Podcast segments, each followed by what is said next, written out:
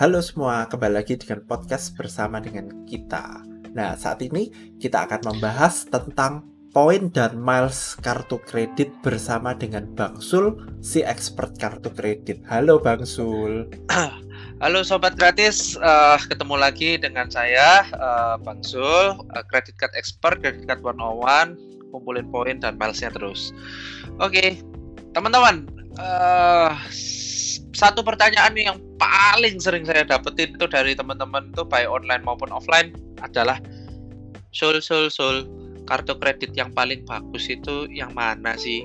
Gitu. Waduh piye yo Eka yo? Aku kalau jawab kayak gini bingung. Kartu kredit itu banyak. Mungkin dari masing-masing bank ada yang terbitin 5 sampai 20 kartu. Lah bank di Indonesia ini ada berapa? Gitu kan ya. Nah saya bilang terbaik itu terbaik dalam apa gitu loh. Not uh, nggak ada kartu kredit yang fit for all gitu loh. Sama kayak baju ya nggak ada baju yang cocok untuk segala occasion gitu loh. Ada baju yang cocok untuk pesta ada baju yang cocok untuk tidur ada baju yang cocok untuk ke pantai. Sama seperti kartu kredit.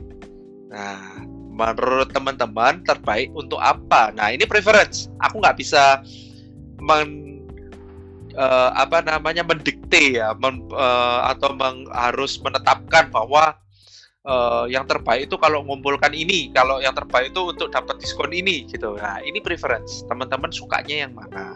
Tapi kalau pribadi, kalau teman-teman nanya opini saya pribadi, saya sukanya uh, karena saya suka traveler ya, saya suka traveler uh, itu yang bisa mengumpulkan poin dan miles secara gratis. Karena milesnya nanti bisa ditukarkan tiket pesawat gratis. Poinnya bisa ditukarkan untuk makan di restoran atau di hotel secara gratis. Itu menurut saya. Kalau teman-teman suka uh, fitur lain dari kartu kredit monggo. Itu pilihan. Jadi terbaik itu ada pilihannya. Oke. Nah bang Sul gini gini bang Sul kita ini buat orang yang belum mengumpulkan poin dan miles ya. Ya tau kadang itu kita tuh berpikir ya kan sebagai orang awam nih ya Bang Sul ya bahwa poin atau miles yang didapatkan dari kartu kredit nominalnya itu kecil banget. Katakan contoh gini ya Bang Sul ya ini ini persepsi ya persepsi ya. Hmm. misalnya saya saya uh, jadi member di supermarket tertentu gitu misalnya ya Betul, saya dapat poin. Tapi kalau poin itu saya hitung ya, ya saya belanja 100 ribu, dapat poinnya 50 poin. Konversinya satu poin 10 rupiah. Berarti kan setiap saya belanja 100 ribu dapat 500 rupiah. Nah kadang itu saya itu sebagai orang awam ya Bang Sul ya, merasa bahwa poin kartu kredit itu apa ya kecil kayak gitu ya maksudnya saya harus belanja besar dulu kalau saya mau dapat manfaat yang besar kalau saya belanjanya kecil saya dapatnya mungkin ya tanda kutip ya orang kalau bilang itu receh mungkin Bang Sul bisa jelasin seberapa menguntungkan sih kalau kita tuh ngumpulin poin dan miles gitu loh. Dan apa ya istilahnya ya kenapa aku tuh harus ngumpulin kayak gitu loh Bang Sul ini coba okay. Bang Sul jelasin Oke okay, oke okay, oke. Okay. Saya punya filosofi gini. Uh, setiap orang itu spending itu pasti. Betul gak Eka? Oh ya pasti dong, pasti. Spending pasti kan.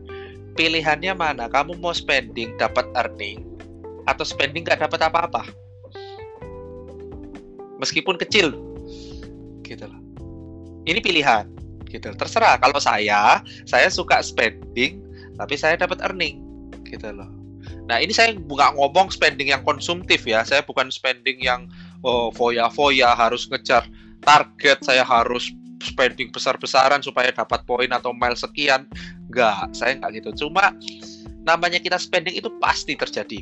Entah yang teman-teman masih kuliah ya, sudah pasti kan harus bayar uh, listrik, uh, token harus bayar uh, makan, harus bayar uh, kebutuhan sehari-hari, ibu rumah tangga juga seperti itu. Harus bayar kebutuhan beli pempes dan lain-lainnya. Kalau yang bapak-bapak mungkin pengusaha ya uh, kayak saya gitu harus beli uh, operasional, beli bahan baku, kebutuhan marketing dan lain sebagainya. Dan it, namanya artinya kan spending itu pasti terjadi, betul nggak Eka ya?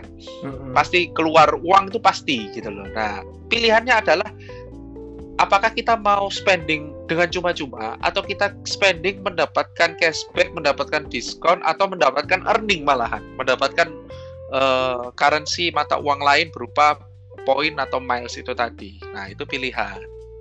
Gitu. Nah, sekarang masuk ke kartu kredit. Kalau saya bandingkan uh, yang paling menguntungkan returnnya paling besar itu adalah uh, dari spending di uh, mendapatkan poin dan miles. Itu paling besar pendapatannya daripada di, jika dibandingkan dengan uh, cashback cashback uh, dari kartu kredit entry level gitu loh. Itu sih. Kenapa bisa saya bilang lebih besar? Kita hitung aja. Contoh-contoh uh, ya. Misalnya uh, saya sekali teman-teman kalau misalnya mau ke Singapura menggunakan Singapura Airline ya itu uh, biaya terbangnya 8.500 miles. Ya 8.500 miles itu kalau dibayar cash uh, kurang lebih dengan Singapore Airlines itu 2 jutaan ya kak. Sekali terbang Surabaya Singapura atau Jakarta Singapura 2 jutaan 2 juta setengahan. Kalau nggak promo mungkin season bisa hampir tigaan. Bayangin kita bisa terbang gratis dari spending kita selama 2 tahun atau tiga tahun. Jadi kita kumpulin nih sedikit demi sedikit. Saya nggak menyarankan teman-teman untuk wah harus spending besar-besaran nih supaya dapat supaya bisa kekumpul cepat gitu loh. Ya kalau memang kebutuhan ya saat itu harus spending besar. Contohnya saya bulan ini harus bayar asuransi satu tahun. Spendingnya eh, uh, 10 sampai 20 juta. Nah daripada saya cuma bayar saja tapi nggak dapat miles. Nah bayangin kalau saya dapat miles dari spending 10 20 juta itu saya sudah bisa dapat uh, milesnya kurang lebih dengan kartu top tier saya ya. Kurang lebih dapat 1500 sampai 2000-an miles. Nah beberapa bulan saya seperti itu 1500 2000 miles saya kan udah kekumpul 8500 ya Eka ya. Iya. bisa ditukarkan ke flight gratis Surabaya Singapura seperti itu itu itu sih analoginya seperti itu Nah, nah. sekarang pertanyaannya poin dan miles itu kan banyak. Nah, banyak apa yang sebaiknya dikumpulkan? Uh, apa yang sebaiknya dikumpulkan? Nah, uh, poin bank mana yang paling menguntungkan gitu loh. Nah, itu nanti mungkin di segmen lain akan saya bahas satu persatu. Nah, tapi teman-teman fokuskan dulu mau ngapain gitu dari poin dan miles itu. Seperti yang saya jelaskan tadi kalau saya sukanya terbang, Ya, saya pilih maskapai penerbangan dan saya pilih maskapai penerbangan yang cocok dan sesuai dengan yang saya suka. Kalau saya paling suka memang Singapore Airlines. Saya paling cocok secara pribadi. Dia uh, best in uh, in their class lah ya, terbaik di kelasnya. Gitu. Kalau untuk hotel, uh, saya suka poin akor dari poin-poin itu grup Akor itu uh, mungkin kalau teman-teman agak asing Akor tuh hotel-hotel bintang empatnya itu seperti Novotel gitu. Kalau bintang limanya seperti Pullman, uh, Movenpick, uh, Mercure, bintang empatnya. Kalau bintang tiganya mungkin sekelas Ibis. Nah, itu itu yang saya suka. Kenapa saya suka kumpulkan poin-poinnya mereka? Uh, karena saya pasti traveling ya kak. Gitu. Dan saat traveling saya sebisa mungkin saya bayar minimal dengan spending yang saya kumpulkan selama 2-3 tahun ini. Gitu. Hmm Oke. Dan biasanya poin atau miles yang kita kumpulin ini ada expirednya atau gimana nih Bang Zul biasanya nih Bang Zul? Biasanya ada ya Biasanya ada dan kita akan bahas satu-satu gimana caranya dan triknya untuk meritin dan memanfaatkan maksimum supaya nggak nggak sampai expired gitu loh. Nah itu kita juga membuat kita jadi uh, merencanakan keuangan lebih broad lagi ya, lebih luas lagi ya. Contoh kayak saya ada usaha alat berat ya. Saya mau uh, pengadaan spare part gitu. Uh, saya spending menggunakan kartu kredit. Biasanya saya sesuaikan supaya sekalian mengejar promo uh, kart, uh, mengejar miles mana yang mau expired supaya saya bisa spending segera gitu loh. Misalnya kurang untuk spending ke uh, ke penggunaannya gitu. Tapi kalau misalnya saya tahu wah ini spending uh, expirednya masih lama, nah biasanya saya akan agak santai untuk mengumpulkannya gitu. Jadi memang harus dimanfaatkan ya. Hmm, oke. Okay. Nah, Bang Sul, gini Bang Sul, kalau misalnya nih apa kita ini orang yang ya kalau Bang Sul mungkin punya usaha atau bisnis ya mungkin bisa dimanfaatkan. Tapi kalau misalnya kita ini orang orang apa ya katakan kita ini profesional atau kerja sama orang berarti kan kita pakai kartu kredit ini kan untuk kebutuhannya kita. Lah menurut Bang Sul ya apa yang untuk ngumpulin poin atau miles ini harus yang spendingnya besar. Kalau yang spendingnya kecil, yang pengeluarannya kecil itu gimana Bang Sul? Menurut Bang Sul itu tetap oke okay nggak kalau kita ini ngumpulin miles gitu Bang Sul? Kalau pengeluarannya kecil gitu misalnya. Tetap oke. Okay. Menurut saya tetap oke okay, Kak.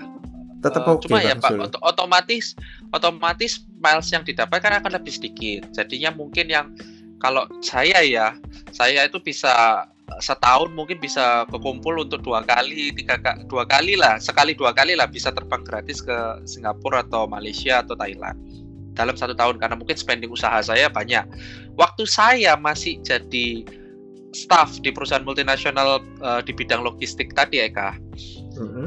itu saya spendingnya juga kecil Eka saya cuma bayar kos kebutuhan hidup spending saya sebulan kalau bisa saya tekan di bawah 5 juta mm. nah tapi okay. gimana saya, saya saya mendapatkan uh, free flightnya? Ya memang nggak bisa setahun sekali. Akhirnya otomatis kan tiga tahun sekali saya baru saya kekumpul.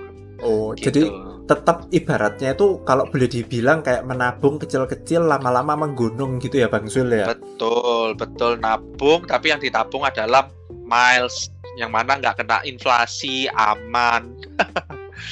Oke, gitu. mungkin mungkin gini Bang mungkin aku jelasin sedikit. Jadi miles ini kan adalah mata uang untuk kayak kita tiket pesawat, intinya di dunia penerbangan. Nah, betul. Kalau harga tiket kan berubah-berubah terus, tapi kalau miles biasanya itu akan lebih stabil ya Bang Sul ya biasanya ya. Jadi betul betul, betul. sangat stabil bahkan sangat stabil. saya selama mengumpulkan uh, favorit saya untuk Singapore Airlines ya mengalami devaluasi ini baru satu kali ya kak oh, karena okay. pandemi kemarin nah. selama ini belum pernah mengalami devaluasi dia oke okay.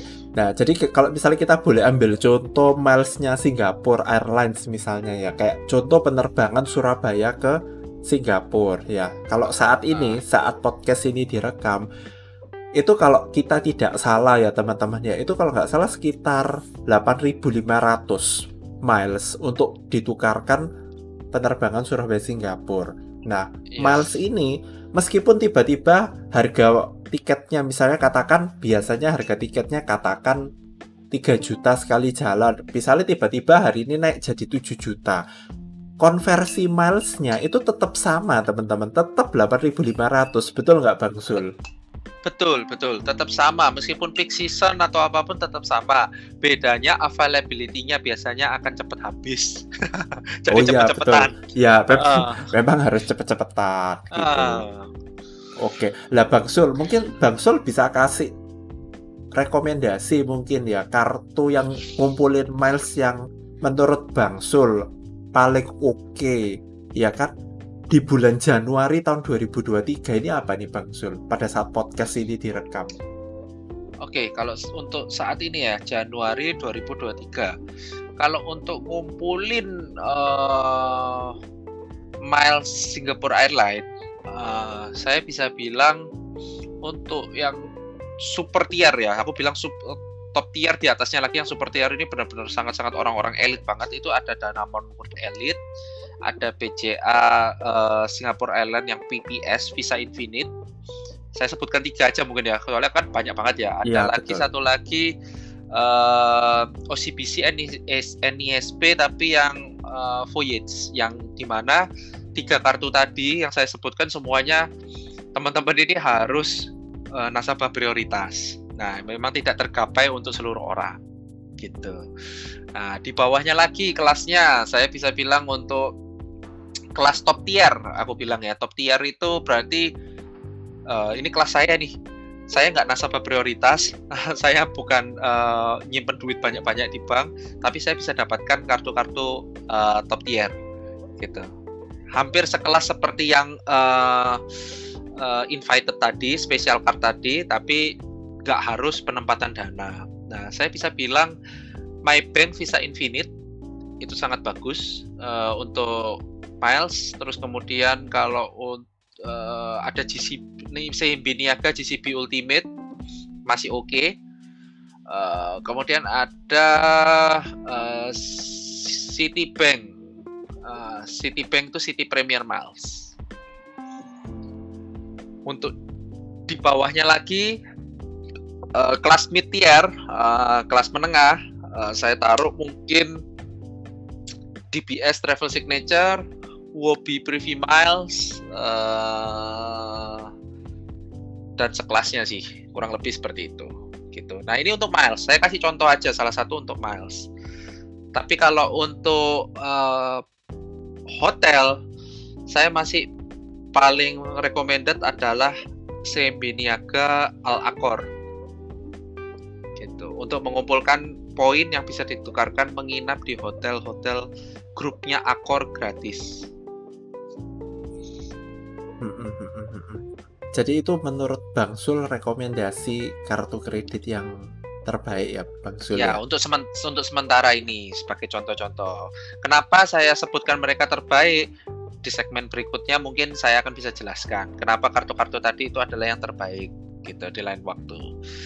Uh, Oke, uh, mungkin kalau bagi teman-teman yang masih baru mulai nih, baru merintis karir di portofolio dunia kartu kredit, gimana dong? Saya kan masih baru kartu kredit saya masih uh, entry level, belum bisa ngumpulin poin dan miles gitu. Jangan bersedih teman-teman.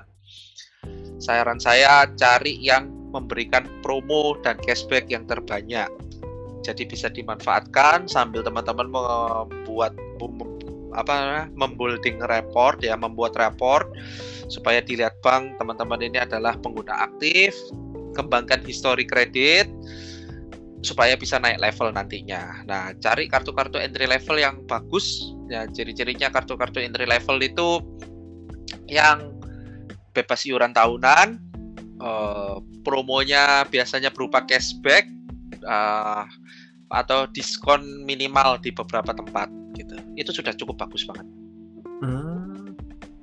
Iya ya jadi tetap memanfaatkan potongan diskonnya itu ya bang betul ya? betul. Jangan jangan jangan tidak dimanfaatkan potongan diskon saya sharing sedikit pengalaman saya waktu 2015 atau 14 itu pertama kali kartu kredit saya itu adalah Batman BCA BCA Batman sama Everyday Card.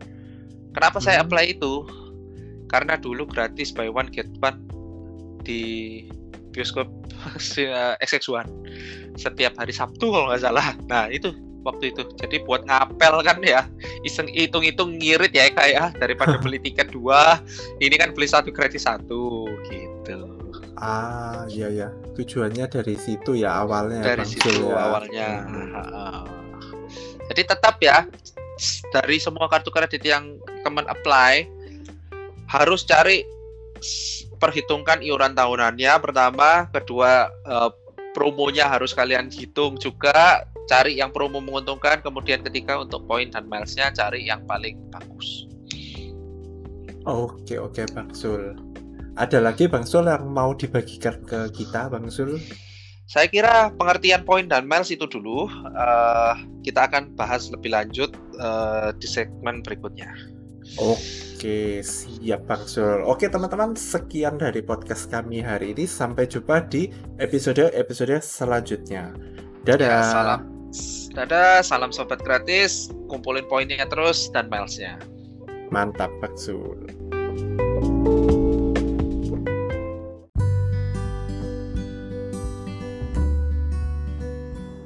Terima kasih sudah mendengarkan podcast kami. Teman, jika Anda rasa bermanfaat podcast kami ini, Anda bisa menginfokan kepada rekan kerja Anda, keluarga Anda, teman ataupun sahabat Anda. Dan jika ada hal-hal yang Anda ingin tanyakan kepada kami ataupun topik-topik apa yang Anda ingin kami bawakan, kami sampaikan, Anda bisa DM kami di Instagram kami healthcommunity.id. Salam one two three, salam sehat, sejahtera dan bahagia.